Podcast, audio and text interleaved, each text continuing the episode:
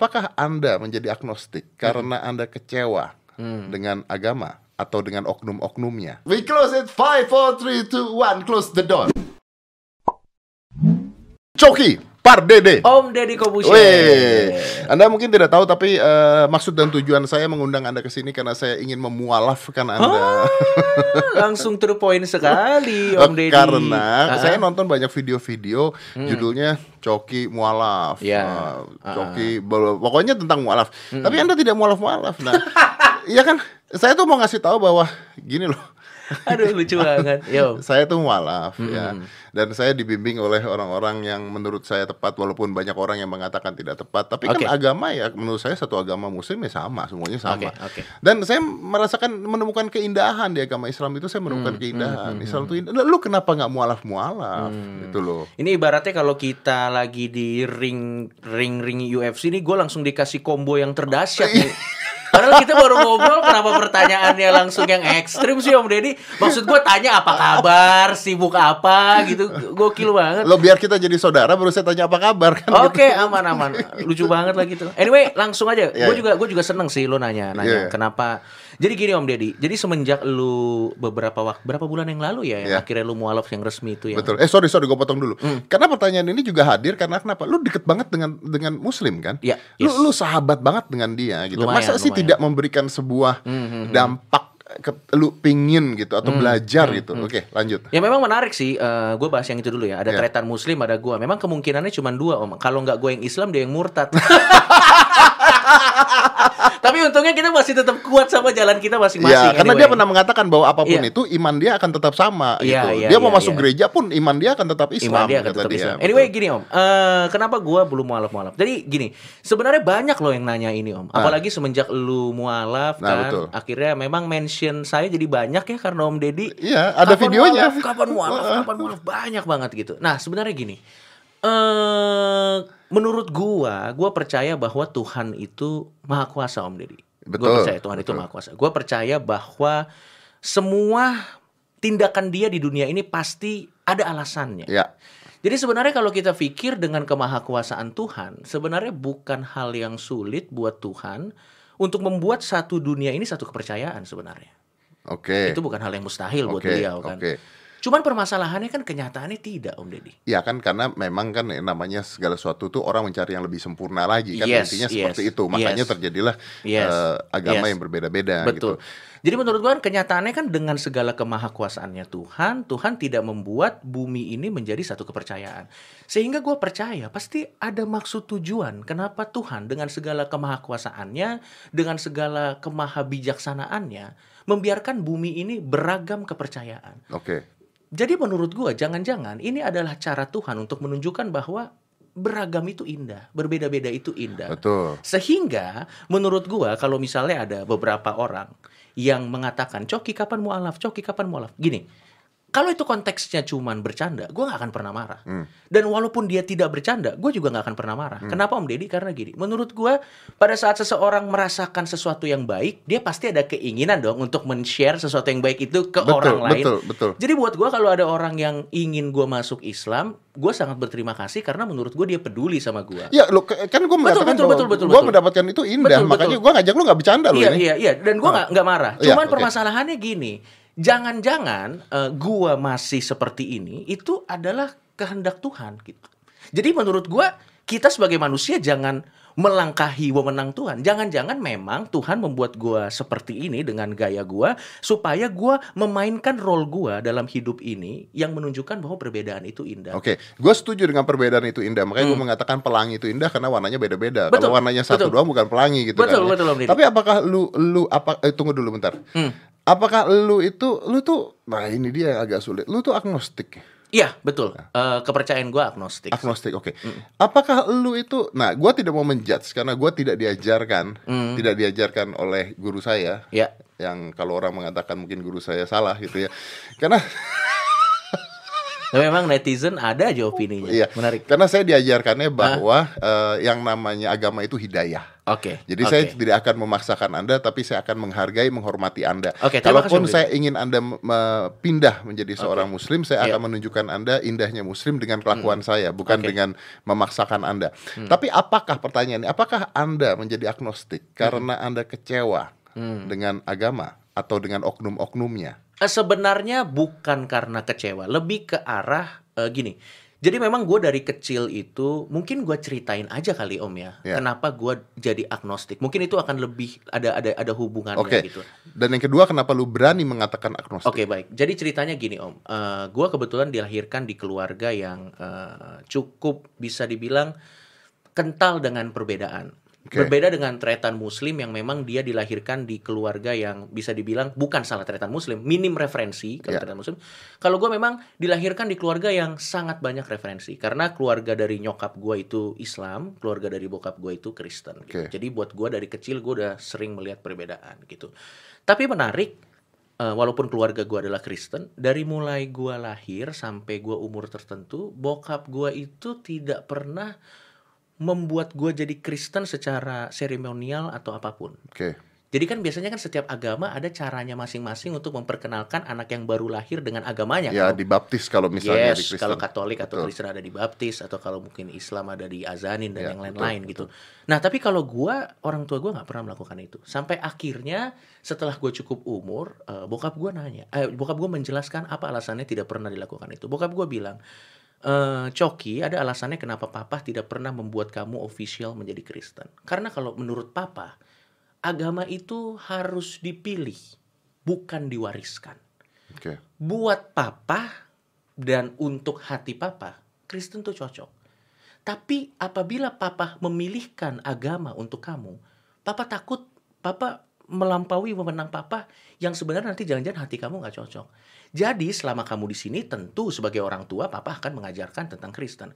Tapi satu saat nanti apabila kamu merasa bahwa kamu menemukan ketenangan batin di kepercayaan lain, silakan ambil itu. Ya itu menarik sekali karena buat saya juga, gua kan nggak diwariskan ya ketika gua Yes. mualaf gua menjadi Islam nggak diwariskan. Betul, Dan itu betul. menarik kenapa? Karena akhirnya kita memilih karena kesadaran kita sendiri. Itu dia om. Bukan karena memang nggak ngerti apa-apa dari kecil dicekoki eh, Betul. dengan sesuatu. Betul gitu om, kan. betul om. Jadi alangkah bahagianya orang-orang yang bisa memilih Itu dia. kehendaknya sendiri. Sehingga semenjak titik balik itu setelah gua ngobrol sama ayah gua atau Hmm. bokap gua, di situlah gua merasa bahwa memang saatnya gua untuk mencari mencari pencarian dari banyaknya beragamnya kepercayaan yang ada di Indonesia. Ya, tapi kan udah lama sekali lu mencari pencarian tersebut Tapi kan maksud gua kan memang kan pencarian itu kan setiap orang beda-beda. Iya, beda-beda. Ada yang cepat, Ah, ada, yang cepat, lama, betul. atau bahkan jangan-jangan dia memang akan ada di tahap pencarian itu sampai akhir hayatnya kita nggak akan pernah tahu. Oke, kalau gitu gue balik aja gue tanya sama lu. Sekarang agama misalnya di, eh, di Indonesia ada berapa? Enam ya, diakui enam ya. Iya, iya. Ada enam yang diakui enam. Eh, Konghucu, eh, Buddha, Kristen,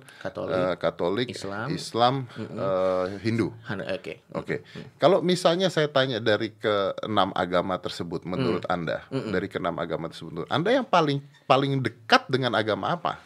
paling dekat dengan semuanya sih om. Karena basically gue ambil sisi-sisi positif dari semuanya dan gue aplikasikan dalam kehidupan gue sih basically. Jadi nggak ada satu yang lebih dominan or whatever. Tapi bukankah teman-teman anda kebanyakan eh, Muslim? teman-teman saya balance om antara orang muslim dan juga antara orang-orang yang non muslim gitu. Oke. jadi kita memang balance gitu. Dan akhirnya gue bisa banyak dapat perspektif banyak Oke, kalau lu melihat agama Islam sendiri, karena, karena gue Islam Iya, ya, gue, iya, iya, iya, iya. menurut lu agama Islam tuh agama seperti apa? agama Islam menurut gue adalah agama yang paling banyak di misunderstood oleh masyarakat dunia ini dan menurut gue salahnya karena apa? Apakah gue nggak tahu ya? Apakah gue lancang untuk mengucapkan ini? Eh, tolong diedit ya om. Tapi kalau buat gue secara pribadi karena menurut gue banyak sekali representatif representatif yang sebenarnya gue tahu Islam nggak seperti itu. Iya, betul. Gua kenal dengan beberapa orang yang ilmu keislamannya sangat tinggi dan dia menjelaskan gua dan akhirnya banyak sekali uh, stigma-stigma gua tentang agama Islam yang akhirnya runtuh gitu. Seperti misalnya contoh apakah Islam agama perang? Ternyata tidak gitu. Setelah gua berbicara dengan uh, ada namanya Habib Jafar gitu gua ngobrol sama beliau, ternyata bahkan di Al-Qur'an sendiri menurut beliau yang perang itu basically cuma satu atau dua persen, tapi sisanya itu keteladanan hidup Nabi dan yang lain-lain. Yang entah mengapa itu kurang diekspos oleh banyak orang. Entah kenapa yang terekspos yang sisanya yang yang hanya seperti itu yang akhirnya membuat stigma yang dan yang lain-lain. Ya kalau Tretan mengatakan bahwa yang diekspos marah-marahnya doang katanya seperti itu. Yang diekspos dan akhirnya setelah gua tahu itu ya akhirnya menurut gua memang banyak yang misunderstood tentang Islam itu sendiri. Oke, nah ketika lu sudah tahu banyak mi- misunderstood tentang Islam itu sendiri kan artinya bahwa Islam itu sendiri agama yang baik Iya, harusnya. Oke, iya, iya. seandainya saya ingin memualafkan anda, Mm, mm, mm. ya apa yang harus saya lakukan? Kalau misalnya Om pengen memualafkan saya, apa yang harus Ah. Om lakukan?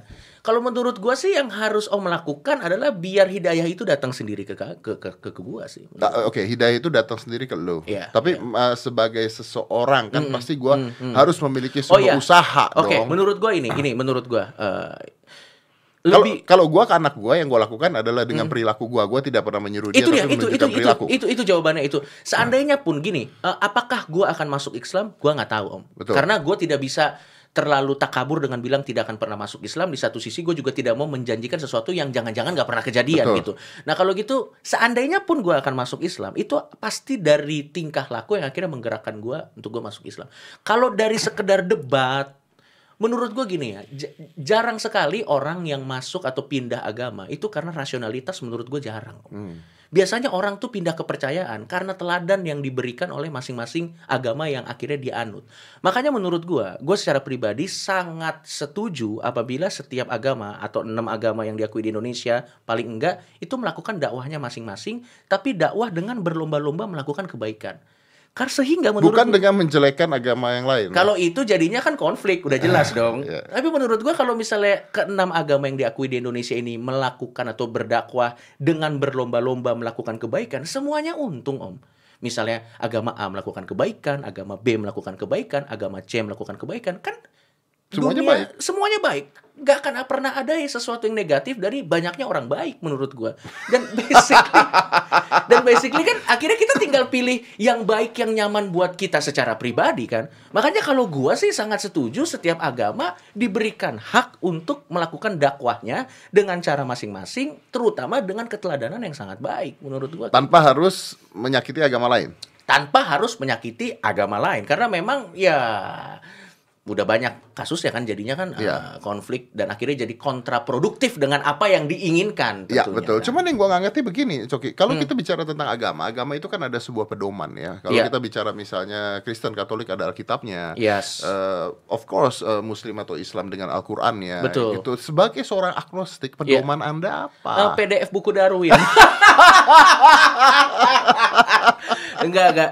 Jadi basically itu menarik tuh Om Deddy Iya kan? tuh. Apa pedoman Anda gitu loh? Banyak yang nanya, "Coki, bagaimana Anda hidup pada saat Anda menjadi seorang agnostik?"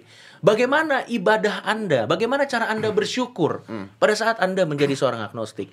Kalau buat gua, agnostik itu agamanya lebih ke eh, humanity sih, Om. Jadi bagaimana caranya gue bersyukur sebagai orang agnostik? Gue mencoba untuk menjadi warga negara yang baik, yang paling tidak tidak merugikan orang lain dan kalau bisa membantu society di mana gue tinggal. Itu cara gue buat cara gua buat bersyukur. Oke, artinya dengan perilaku kebaikan. Yes. Dengan perilaku kebaikan. Dengan dengan spread the kindness aja. Oke. Dengan cara Nah, gue. eh, saya sebagai seorang eh, Muslim, Hmm. saya eh, bersahabat dengan berbagai macam orang. Ya. Salah satunya, of course, dengan lu, Ya. gitu ya. Eh, Mungkin banyak eh, teman-teman yang tahu atau yang nggak tahu bahwa ya di luar di luar kita bikin begini kadang-kadang kita suka chat, suka Yes. telepon, Iya, Om. ya, Iya, Om. walaupun Iya. kita nggak nggak intens. Iya, iya, paham, paham. Tapi kita sahabatan gitu. Gue bersahabat dengan lu bukan karena gue ngelihat agama lu apa, tapi karena Iya. gue melihat lu seorang manusia yang menurut gue tidak merugikan siapa pun. Betul, Dan lu nggak ngerugiin gue juga. Betul, gitu. Nggak ngerugiin gue juga. Betul. Akan tetapi gue yakin bahwa akan ada orang-orang, agama apa pun ya kita nggak bicara satu agama. Siap. Agama apa pun yang akan menjauhkan lu hanya dengan mengatakan bahwa lu agnostik. Hmm, hmm, hmm, hmm, hmm. paham, paham, paham, paham, paham. Nah, Uh, gue nggak tahu iya atau tidak. Nah, menurut gua ada, ada yang itu, ada. Ada orang-orang yang menjauhi gua hanya karena gua agnostik gitu. Tapi menurut gua it's okay. Karena nah, itulah salah satu alasan, Om, kenapa gua coming out beberapa tahun belakangan ini sebagai seorang agnostik. Gue jelasin dulu, Om ya. Banyak orang yang bilang, "Ah, Coki mah jadi agnostik cuman buat keren-kerenan doang." Ya gaya-gayaan lo. biar dibilang edgy, Iya, iya, biar betul. dibilang open minded, biar dibilang eh, masa kini. Jadi buat teman-teman yang menuduhkan itu ke gua, nggak apa-apa. Tapi coba gua breakdown sedikit ya. Pada saat lo mendeklar diri lo sebagai agnostik, itu secara publicity atau secara brand itu bad move. Karena itu bad move, apalagi di Indonesia itu adalah tindakan yang bad move. Kenapa? Karena akan lebih banyak problematika yang muncul daripada keuntungan yang muncul. Lu bisa kehilangan kerjaan gak gara-gara itu? Mungkin kehilangan kerjaan iya, tapi dengan cara seperti ini. Karena gue sudah mendeklar diri gue agnostik, akan ada brand-brand tertentu yang tidak ingin direpresentasikan oleh gue dong. Untuk menjaga brandnya supaya lebih baik dan yang lain-lain gitu. Artinya merugikan lu ketika lu mengatakan itu. Yes, akan merugikan gue sebenarnya Oke, and secara then- brand. And then why you doing it? Nah, kalau gitu pertanyaannya sudah jelas bukan karena untuk keren-kerenan. Betul. gitu. Kalau untuk keren-kerenan saya punya sejuta cara lain saya lakukan supaya saya jadi keren gitu. Tidak dengan mengaku menjadi agnostik. Tapi kenapa gua melakukan itu? Karena ada beberapa alasan. Alasan yang pertama itu adalah untuk diri gua sendiri sih Om. Karena selama 31 tahun gua hidup di dunia, gua sadar hal yang paling melelahkan, hal yang paling menyakitkan itu adalah berpura-pura menjadi sesuatu yang bukan kita Om. Pada saat kita mencoba menyenangkan orang lain, kita mencoba menyenangkan orang lain, menyenangkan orang lain, menyenangkan orang lain, mungkin semua orang lain senang. Tapi satu orang yang nggak senang, diri kita sendiri, Om.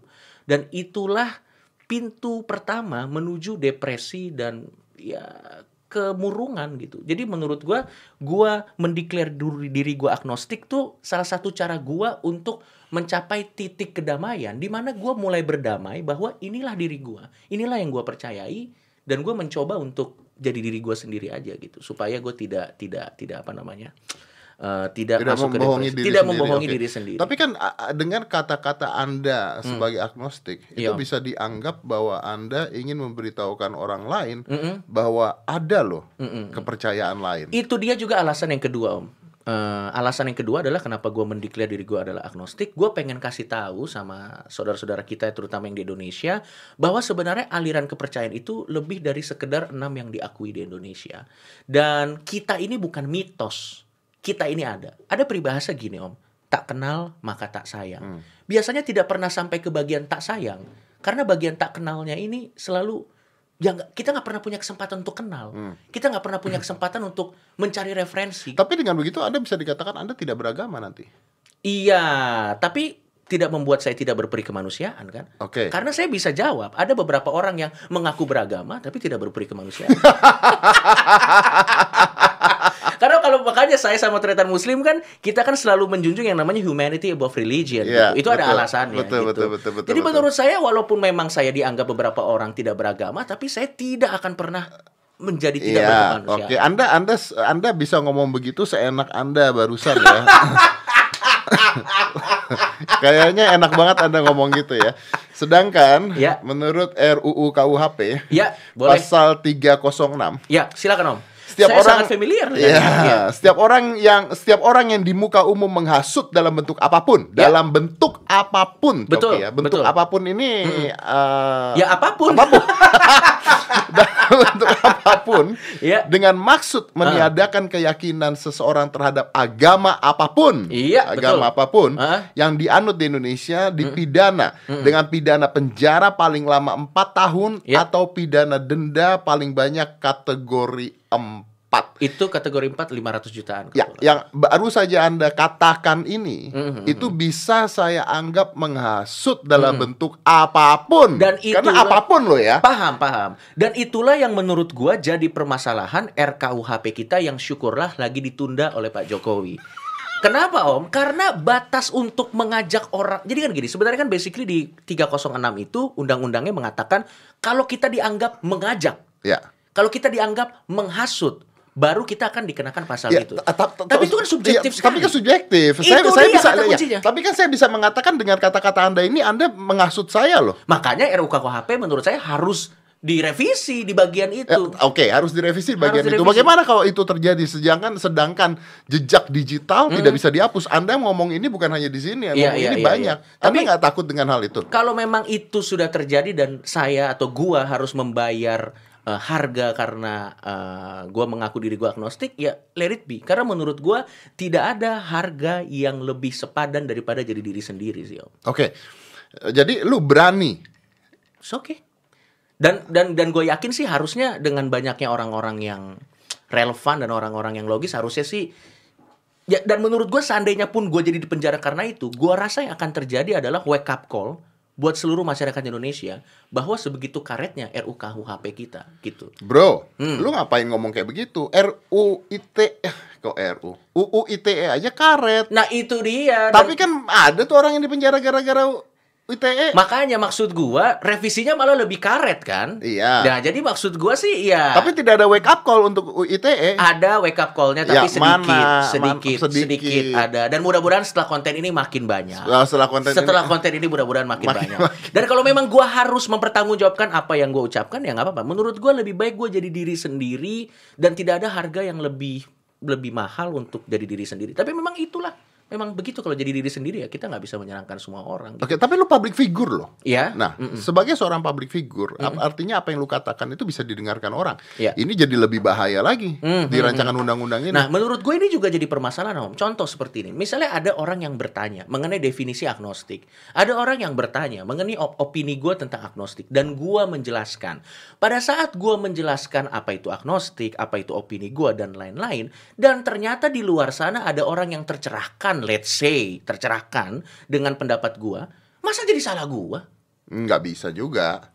Loh. Nggak bisa. Enggak, tapi tapi tapi maksud gua kan kalau seperti itu yang terjadi adalah perasaan orang membelenggu kebebasan berpendapat. Loh iya iya maksud saya tadi mengatakan tidak bisa juga dalam pengertian begini loh. Lu lo gua gua tahu apa itu agnostik gua tahu. Yes. Lu mau ngomong apa pun tentang agnostik gua tahu. Lu Yes. mau jelasin gua tentang agnostik gua tahu. Yes. Dan gua nggak peduli dan gua nggak akan merubah agama gua juga. Tapi permasalahannya kan orang-orang seperti Om Deddy sedikit di Indonesia dan kalau hukum Oh itu nggak bisa bro. Ah. Orang-orang seperti gua sedikit tergantung iman. Kalau imannya kuat tidak. Nah, permasalahannya kan kenyataannya kan ya kita tahu sendiri saya kan. punya iman yang Ya. saya saya saya mencari agama saya itu lama loh. Hmm. Masa saya punya agama yang udah saya cari lama cuman gara-gara ngobrol sama Coki saya jadi berubah? Harusnya mental seperti ini yang diperbanyak di Indonesia, Om. Harusnya mental seperti Om karena kalau misalnya menurut gua ya di Indonesia itu orang yang baperan, orang yang istilahnya prejudis itu lebih bisa dapat banyak privilege daripada orang yang open minded menurut gua. Sehingga di Indonesia orang yang baperan, orang yang prejudis itu lebih dimudahkan untuk mengkriminalisasi orang lain. Sedangkan orang yang open minded, orang yang tidak pernah tersinggung, orang yang tahu cara deal dengan ketersinggungan dia, kita yang menderita di Indonesia.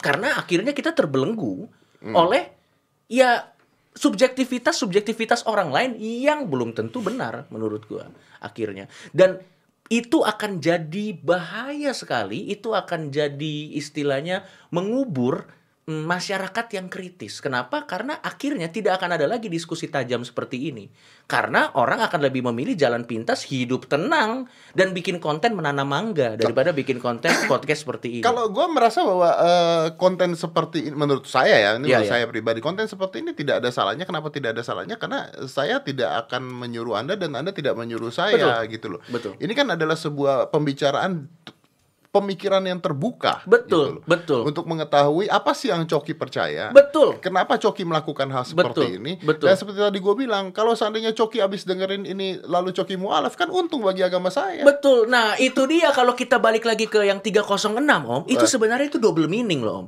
Itu kan kalau misalnya kita baca, Betul. pada saat ada kegiatan yang meniadakan keyakinan seseorang. Betul. Berarti sebenarnya kalau kita mau plot twist dengan ahli bahasa, orang pindah agama kan keyakinannya harus tidak ada dulu dong baru dia masuk ke agama yang baru. itu juga bisa dipidana loh. Ada momen Ada momen dulu. yang dia tidak ada itu. Maksud gua karetnya tuh gila banget menurut gua. Jadi ngeri lah, ngeri Oke. lah gitu. Ya, kalau lu mengatakan hal seperti itu, ini karet banget gitu ya. Lu Parah, ngeri gitu kan. Oke, Iya, lu iya. ngeri. Heeh. menurut Anda kenapa rancangan ini dibuat dong? Menurut gua rancangan ini dibuat karena eh, lebih mudah untuk membenci sesuatu yang tidak kita mengerti daripada memahami apa yang tidak kita mengerti. Sepertinya siapa pun yang membuat undang-undang ini mengambil jalan pintas. Karena buat di karena gini Om, jalan yang mudah belum tentu jalan yang paling benar. Sebenarnya kalau kita ingin saling mengerti satu sama lain, kalau kita balik lagi tak kenal maka tak sayang, harus ada effort yang dilakukan, harus ada diskusi lintas iman, orang yang agnostik harus ngobrol dan yang harus pokoknya itu ada effort yang cukup besar yang dilakukan supaya menambah referensi kita. Tapi sepertinya siapa pun yang bikin ini, yang punya ide pertama, kayaknya merasa, aduh kayaknya repot ya, langsung aja deh kita kriminalisasikan gitu. Jadi kayaknya sebenarnya dia tahu sebenarnya yang benar tuh nggak gitu, tapi dia mengambil jalan yang paling mudah, bukan yang paling benar menurut gua. Jadi semudah itu ya? Se- ya buktinya dari situ sih dia kenapa alasannya itu ada karena dia tahu dia nggak mau mengambil jalan pintas dia nggak mau bercapek-capek untuk mencapai satu titik di mana kita bisa memahami understanding each other. Oke, gitu. begini. Ta- gua kan tadi mengatakan eh, ingin memualafkan Anda ceritanya Siap, seperti Om. itu ya. Jadi ini video nanti gue bikin judulnya apa? Cara memualafkan Coki Pardede. Seru seru seru. Akan tetapi, ketika Anda dekat dengan tretan Muslim, apa tidak ada, ah, Mm. maksudnya eh, ajaran-ajaran beliau dan sebagainya yang menarik buat lu? Nah, nah, ini ini sangat menarik Om. Banyak yang bertanya sama gua. Kalau gitu, kalau lo sama tretan Muslim, lo ada apa yang apa yang yang lo lihat, apa yang lo pelajari tentang Islam? Menurut gua gini, tretan Muslim dan orang-orang Islam lainnya, termasuk lo dan Habib Jafar itu sekali lagi yang gue bilang banyak meruntuhkan stereotip gua tentang agama Islam. Sehingga pada saat ada orang lain di luar sana yang let's say uh, bad mouth atau nyinyir tentang Islam, mungkin gue bisa jadi second opinion yang lebih valid untuk membela bahwa Islam tidak seperti itu dibanding dari orang Islamnya sendiri. Karena kalau dari orang Islamnya sendiri mungkin akan ada perspektif, ah lu mah defensif, ah lu jelas ngomong gitu, lu kan Islam. Tapi pada saat ada orang lain di luar sana yang memang Yang non-Muslim yang tapi non-Muslim membela- tapi membela membela Muslim. Islam, dan, dan- Muslim maksud gua dan itu menurut gua akan jadi eh, pendapatnya atau opininya jadi punya bobot tertentu lah yang jadi bisa patut dipertimbangkan dan gue beberapa kali melakukan hal itu pada saat ada beberapa orang yang karena lack of understanding Hmm. mulai menyerang Islam dengan bilang Islam begini Islam begitu gue jelasin enggak kok gue ketemu dengan banyak orang Islam dan mereka ternyata enggak seperti yang lo pikirkan yang lo kurang sebenarnya cuma referensi aja gue jelasin gitu dan akhirnya oh gitu ya cok ya menurut lo masa gue bohong sama lo gitu Hmm. Tapi kan ini semua terjadi karena memang ada oknum-oknum yang seperti itu. Itu dia, itu dia. Dan bahayanya oknum-oknum ini memang sepertinya sangat tidak ingin tak kenal maka tak sayang itu terjadi, Om. Hmm. Sangat ingin membuat tali silaturahmi tali silaturahmi antara masyarakat Indonesia agar mengenal satu sama lain lebih baik terjadi. Kayaknya mereka nggak mau itu. Makanya banyak sekali hal-hal yang dilakukan supaya ini tidak terjadi. Padahal menurut gua kuncinya kalau kita saling mengenal satu sama lain, saling diskusi satu sama lain, saling mengerti apa yang lo percaya, apa gua yang apa yang gua percaya. Harusnya sih nggak akan ada lagi konflik sih menurut gua.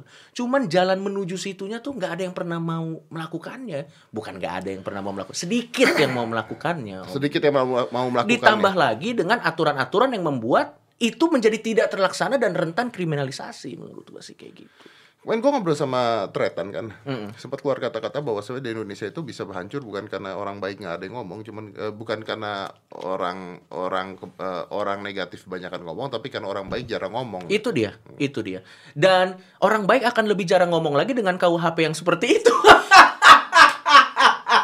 Maksud gua tanpa revisi KUHP itu aja situasinya udah bad Eh, enough. Situasinya udah bad enough Udah dan bad apakah enough. apakah dan apakah lu tapi tapi gini gini Coki, bentar bentar bentar bentar. Iya, gua, gua, gua penasaran satu hal sih sebenarnya. Gimana, gimana? Apakah lu tidak tidak mera gini, lu tuh nggak kapok gitu. Ah, bahwa ah, gua tahu bahwa pernah ada masalah-masalah yang Ya. menghampiri hidup lu. Kan pada Dan- masalah itu ada kan saya ke sini juga. Iya, gitu maksudnya. Itu kan itu kan iya iya iya. iya, itu iya, iya, iya. pertama kali Iya, gua iya. kenal lu sama Gus Miftah pada saat Betul, itu kan. betul, betul, betul. Apakah lu nggak kapok? Lu ingat lo pada saat Hmm. kejadian itu Hmm, bahkan hmm, ada hmm, hmm, saya gua sempat baca deh kalau nggak salah di berita Iya. ada ancaman pembunuhan Betul, dan betul, betul, sebagainya. betul, betul, That's betul, betul. Big enough for life. Iya iya. Tapi akhirnya gue merasa ya sekali lagi om. Jadi gini, ada momen di mana gue merasa gue bisa main aman. Di mana ya gue bikin konten gak usah yang berbasis opini lah. Atau at, at least gue kalau komedi gak usah yang dari keresahan gue lah gitu. Hmm. Gue lakukan yang aman-aman aja lah supaya kemarin tuh udah cukup gitu. Tapi akhirnya gue berpikir om, kalau kita tidak melakukan sesuatu tentang ini, what goes around comes around. Mungkin dan ini juga buat konten kreator lainnya ya. Mungkin ada yang merasa ah soal toleransi mah jauh. Gue nggak akan kena kayak Coki dan Muslim. Tapi permasalahannya gini, satu saat nanti kalau tidak ada yang speak up, tidak ada yang melakukan apa yang benar walaupun itu susah, satu saat nanti itu akan kena juga ke ke kehidupan orang-orang yang merasa hal ini jauh dari kehidupan dia. What goes around what goes around comes around Ya, menurut gue. Tapi kita tidak pernah tahu situasi apa yang akan terjadi di depan. Iya. Bisa saja ini adalah satu hal yang akhirnya dengan lu mengatakan lu agnostik, sorry to say, Mm-mm. mematikan karir lu. Ya, It's okay. Itu adalah the price yang harus gua bayar sih untuk menjadi sesuatu yang adalah diri gua sendiri gitu. Dan gini Om, mungkin gua tidak akan jadi public figure yang terkenal. Mungkin karir gua tidak akan naik. Mungkin gua akan dimusuhi oleh banyak orang. Tapi satu yang tidak akan gua alami, perasaan menyesal karena membohongi diri sendiri terus menerus. Dan menurut gua itu lebih berarti daripada semua hal yang gue ucapin di Oh tapi tenang tenang. Kenapa? Karena mungkin begini, kalau misalnya hal seperti itu kan bisa saja eh, TV menolak anda ya. Ada beberapa yang ngeband bahkan. Aduh lucu banget. Apakah sampai sekarang itu masih di band bro?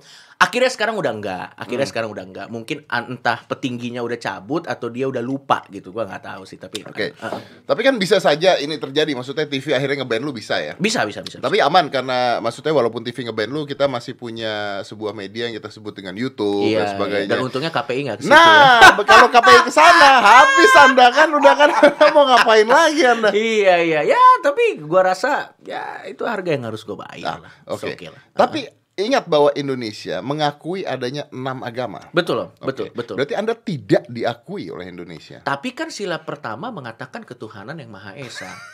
Nah ini dia yang banyak orang nggak mengerti om. Agnostik itu bukan tidak bertuhan. Basically gini, definisi agnostik itu sendiri banyak dan akan jadi konten yang lain lagi kalau kita bahas itu secara mendalam dan lo lebih tahu jangan jangan-jangan daripada gua.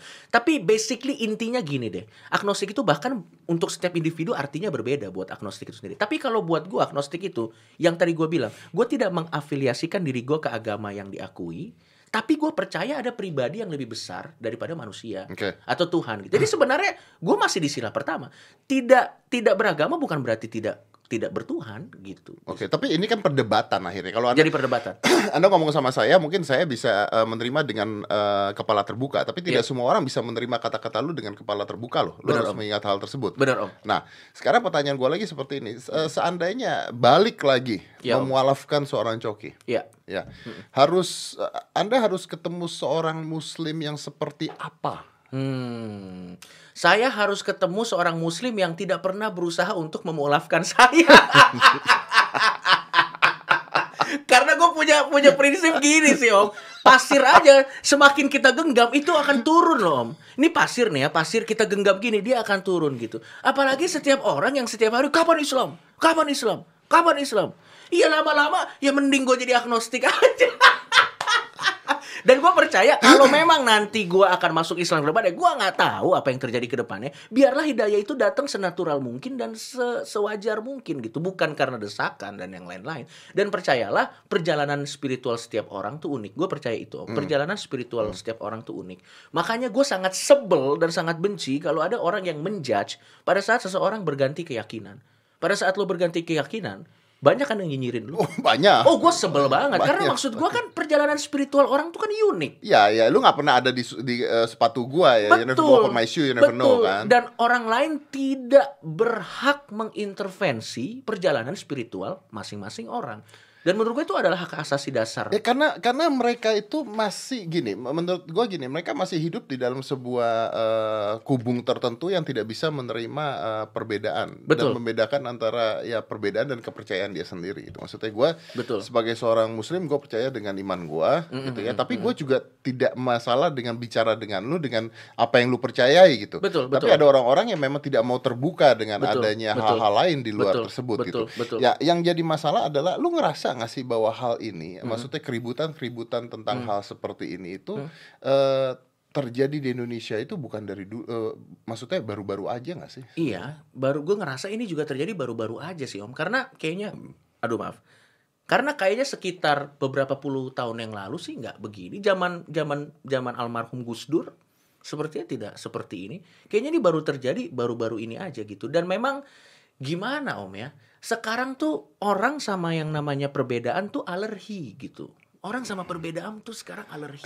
Dan bahkan menurut gue sekarang definisi toleransi itu sendiri Om, itu banyak yang menurut gue salah kaprah. Apa definisi toleransi menurut gue banyak yang salah kaprah. Mungkin gue bisa bisa cerita sedikit apa toleransi menurut gue Om ya. Kalau buat gue secara pribadi gini, pada saat kita membiarkan orang lain menjalankan haknya, itu bukan toleransi.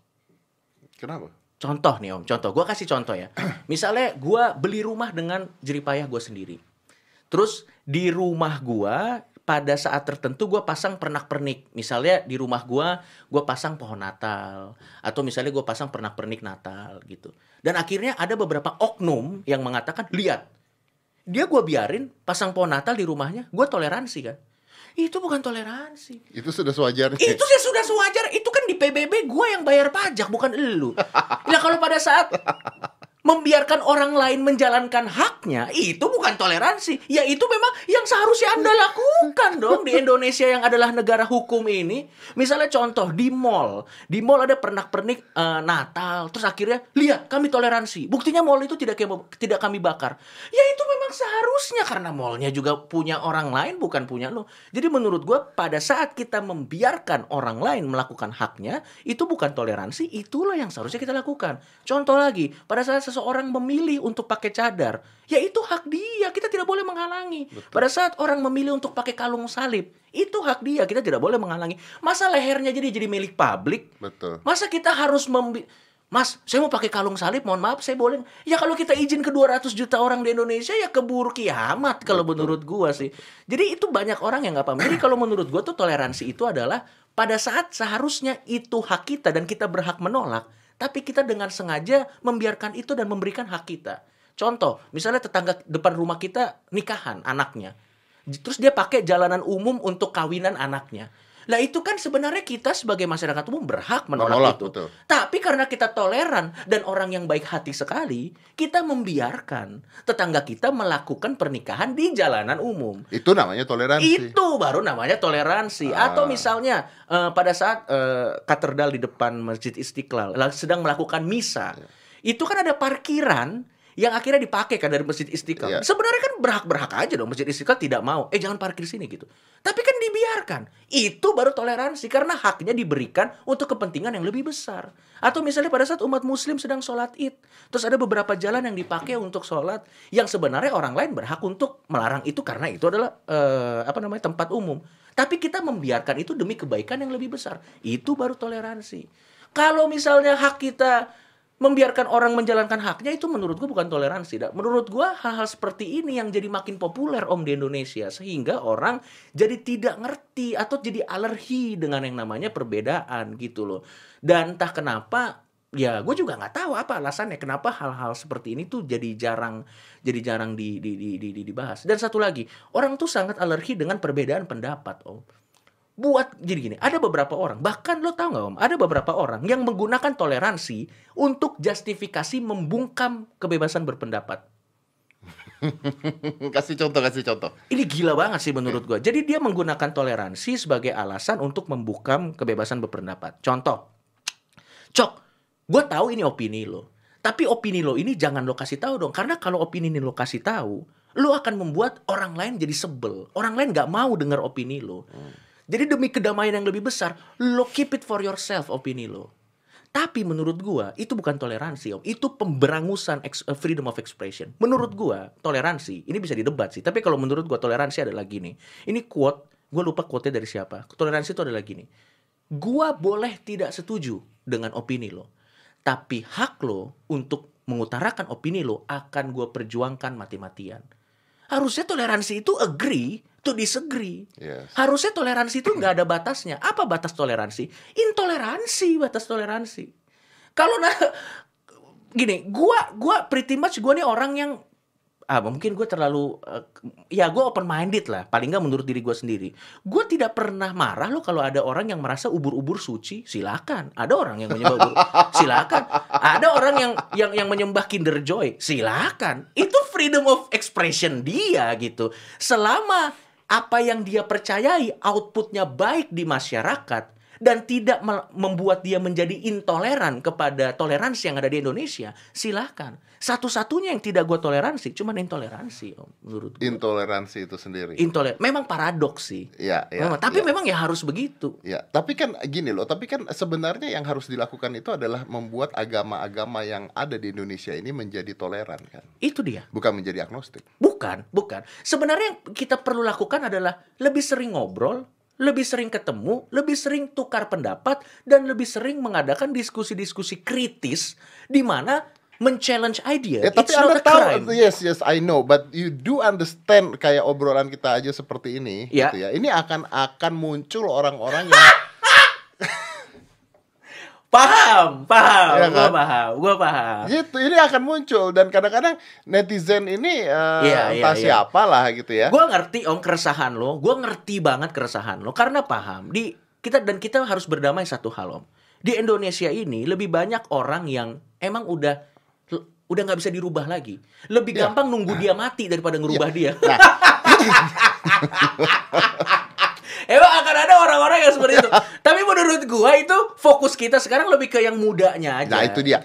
Kan gini, nih tujuan gua berbicara sama lu sebenarnya sederhana. Bener, sederhana. bener. Tujuan gua berbicara sama lu adalah untuk menunjukkan pendengar gua Iya. bahwa Islam itu indah. Betul, Itu betul. tujuan gua. Betul, Oke. betul. Nah, tujuan lu menurut gua, Iya. tujuan lu berbicara sama gua di podcast ini untuk menunjukkan bahwa kebebasan itu mutlak buat orang-orang. Betul, Mungkin itu betul. seperti itu. Iya, salah satunya. Ah, akan tetapi hal ini tidak harus membuat kita berantem. Itu dia, itu dia poinnya om. Itu dia Itu poin. kan yang indahnya Itu dari dia. Indonesia Itu gitu dia, kan. itu dia yang harusnya yang sebenarnya sudah dilakukan masyarakat kakek-kakek buyut kita. Betul. Kenapa betul. sekarang Kenapa jadi sekarang jadi masalah gitu. Nah,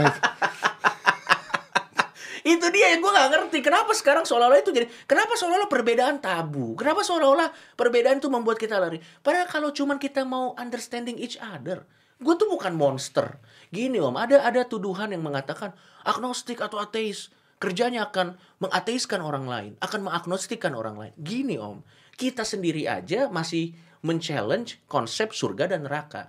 Jadi sebenarnya tidak ada keharusan buat kita untuk mengajak orang tuh masuk ke kita gitu. Karena kita tuh sibuk men-challenge terlalu banyak ide gitu sih sebenarnya. Jadi kita tenang aja kita nggak akan pernah mencoba untuk ya mengagnostik. sebenarnya kalau kita berbicara seperti itu akhirnya bisa saling tuduh. Iya. Bisa saling tuduh karena, Karena oh, agama agama iya. A juga eh, ingin membuat orang lain masuk ke agama A, agama Iya. B juga seperti itu. Karena kan eh, akhirnya men- menjadi manusiawi untuk melakukan hal seperti itu gitu. Betul. akhirnya eh, nggak akan pernah habis nggak akan pernah beres Benar, sebenarnya. benar. Oke, eh, tapi menurut lo apakah Indonesia ke depannya bisa eh, lebih toleran? Bisa. Bisa. Bisa. Bisa. Kok saya tidak melihat hal itu eh, populer ya sekarang?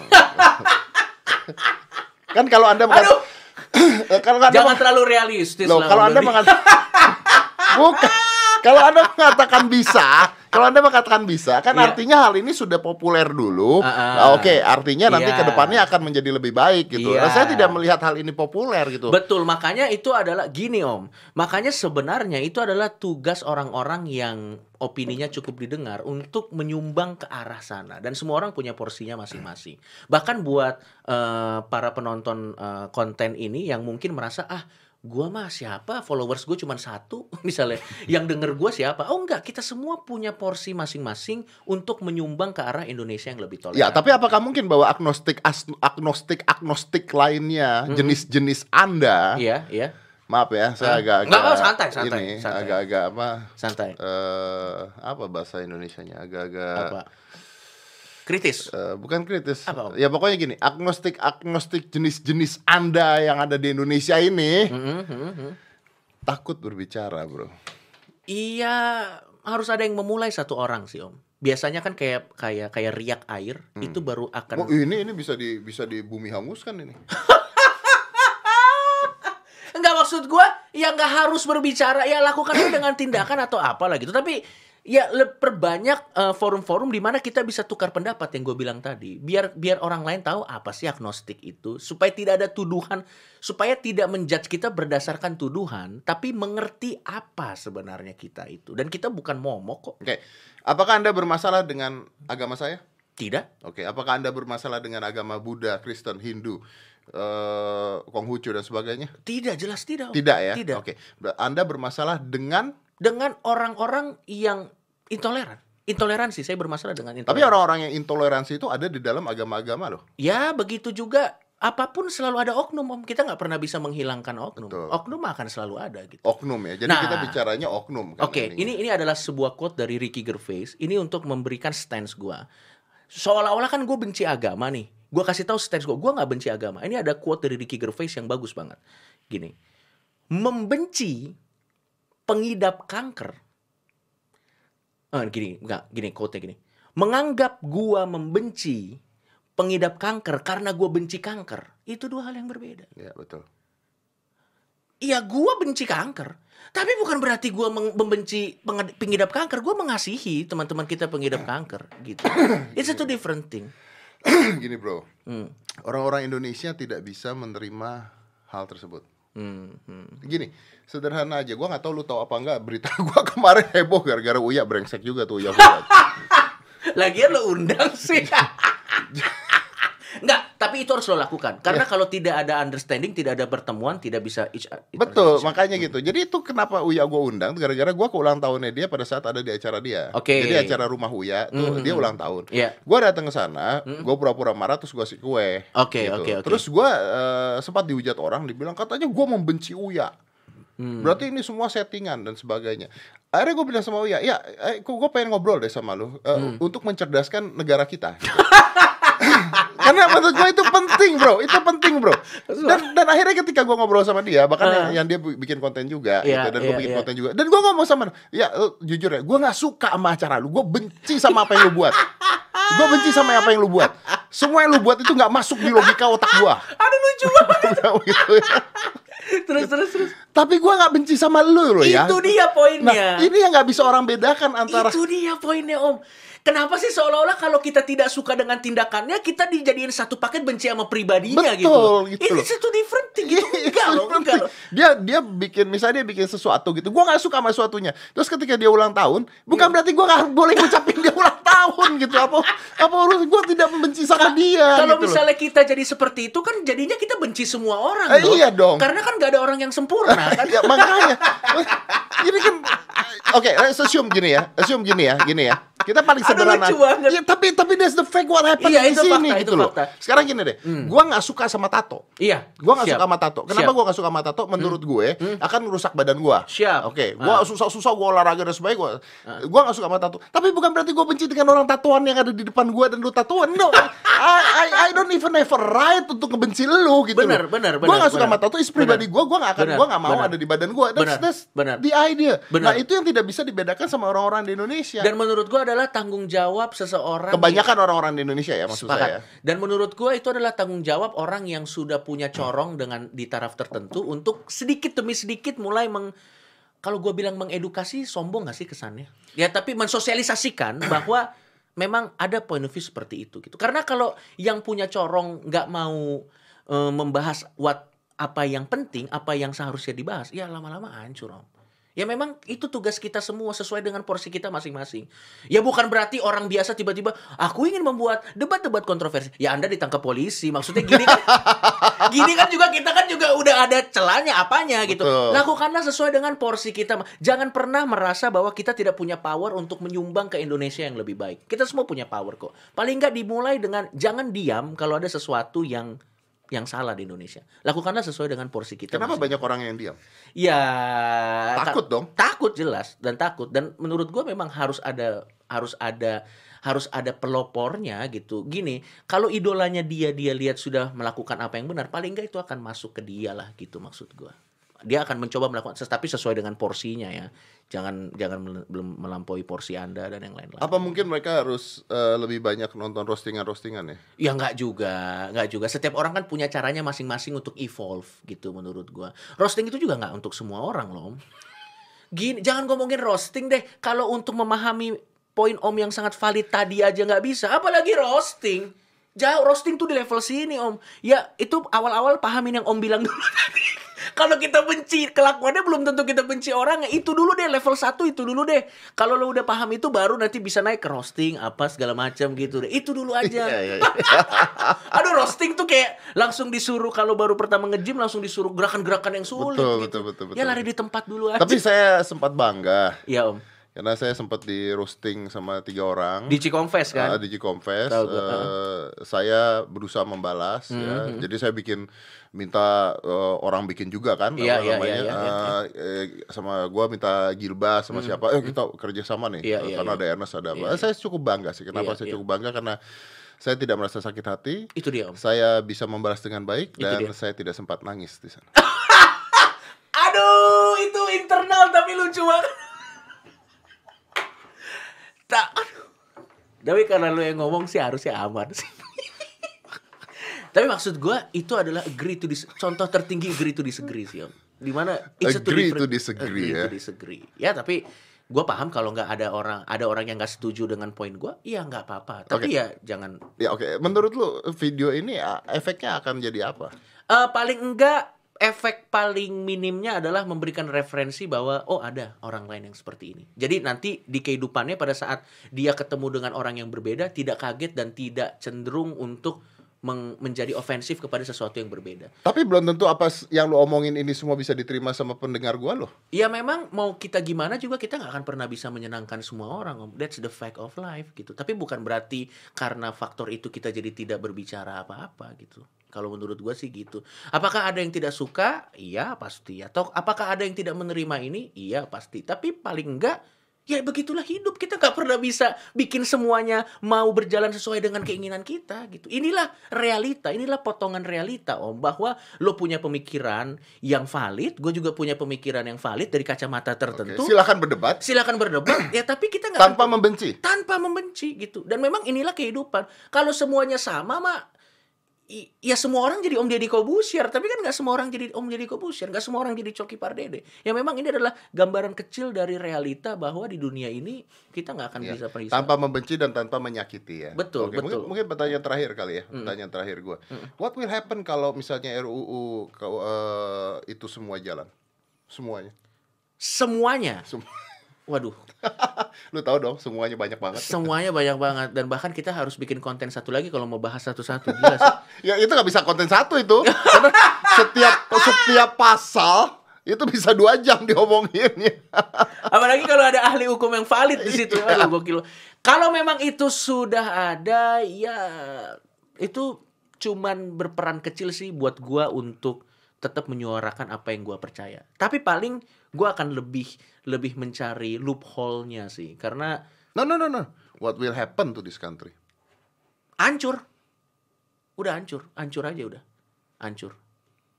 Jadi kayak negara-negara yang akhirnya ya hancur. Hancur, Om, hancur. Hancur sih menurut gua. Wow. Satu negara tuh akan hancur pada saat paling enggak kebebasan individunya sudah diberangus di situ. Hancur, hancur menurut gua, hancur. Dan itu bukan Indonesia yang gua tahu sih. Indonesia yang gua tahu tuh adalah Indonesia yang sangat menghargai perbedaan. Eh, ada di Afghanistan Om, itu ada tujuh suku. Dan mereka sangat disayangkan sekali tidak bisa menjaga perbedaan itu sehingga mereka selalu perang satu sama lain sampai sekarang. Indonesia ada ratusan suku Om dengan ribuan bahasa, tapi selama ribuan tahun kita tetap bisa bersatu. Kita ini sebenarnya negara yang luar biasa, Om. Ini pertanyaan terakhir, benar-benar Iya. terakhir. Apakah menurut lu ada sebuah oknum yang lebih besar lagi Mm-mm. yang berusaha untuk merusak Indonesia? Ada, ada, ada, Om. Tapi kalau gua ngomong Ya, ya, bukan ya. kapasitas gua. Bukan kapasitas Bukan kita untuk bicara, gua. tapi gue juga setuju. Gue rasa Indonesia harus nggak seperti itu kecuali Iya. ada sebuah hal yang lebih besar lagi yang Iya. memang mendesain Betul. Betul. Indonesia ya. Kita nih ras luar biasa loh sebenarnya. Bukan bukan fasis ya, tapi bang fakta menunjukkan kita ras yang luar biasa. Dan ada yang tidak suka kalau kita menjadi ras yang luar biasa. okay. We close it. Five, four, three, two, one. Close the door.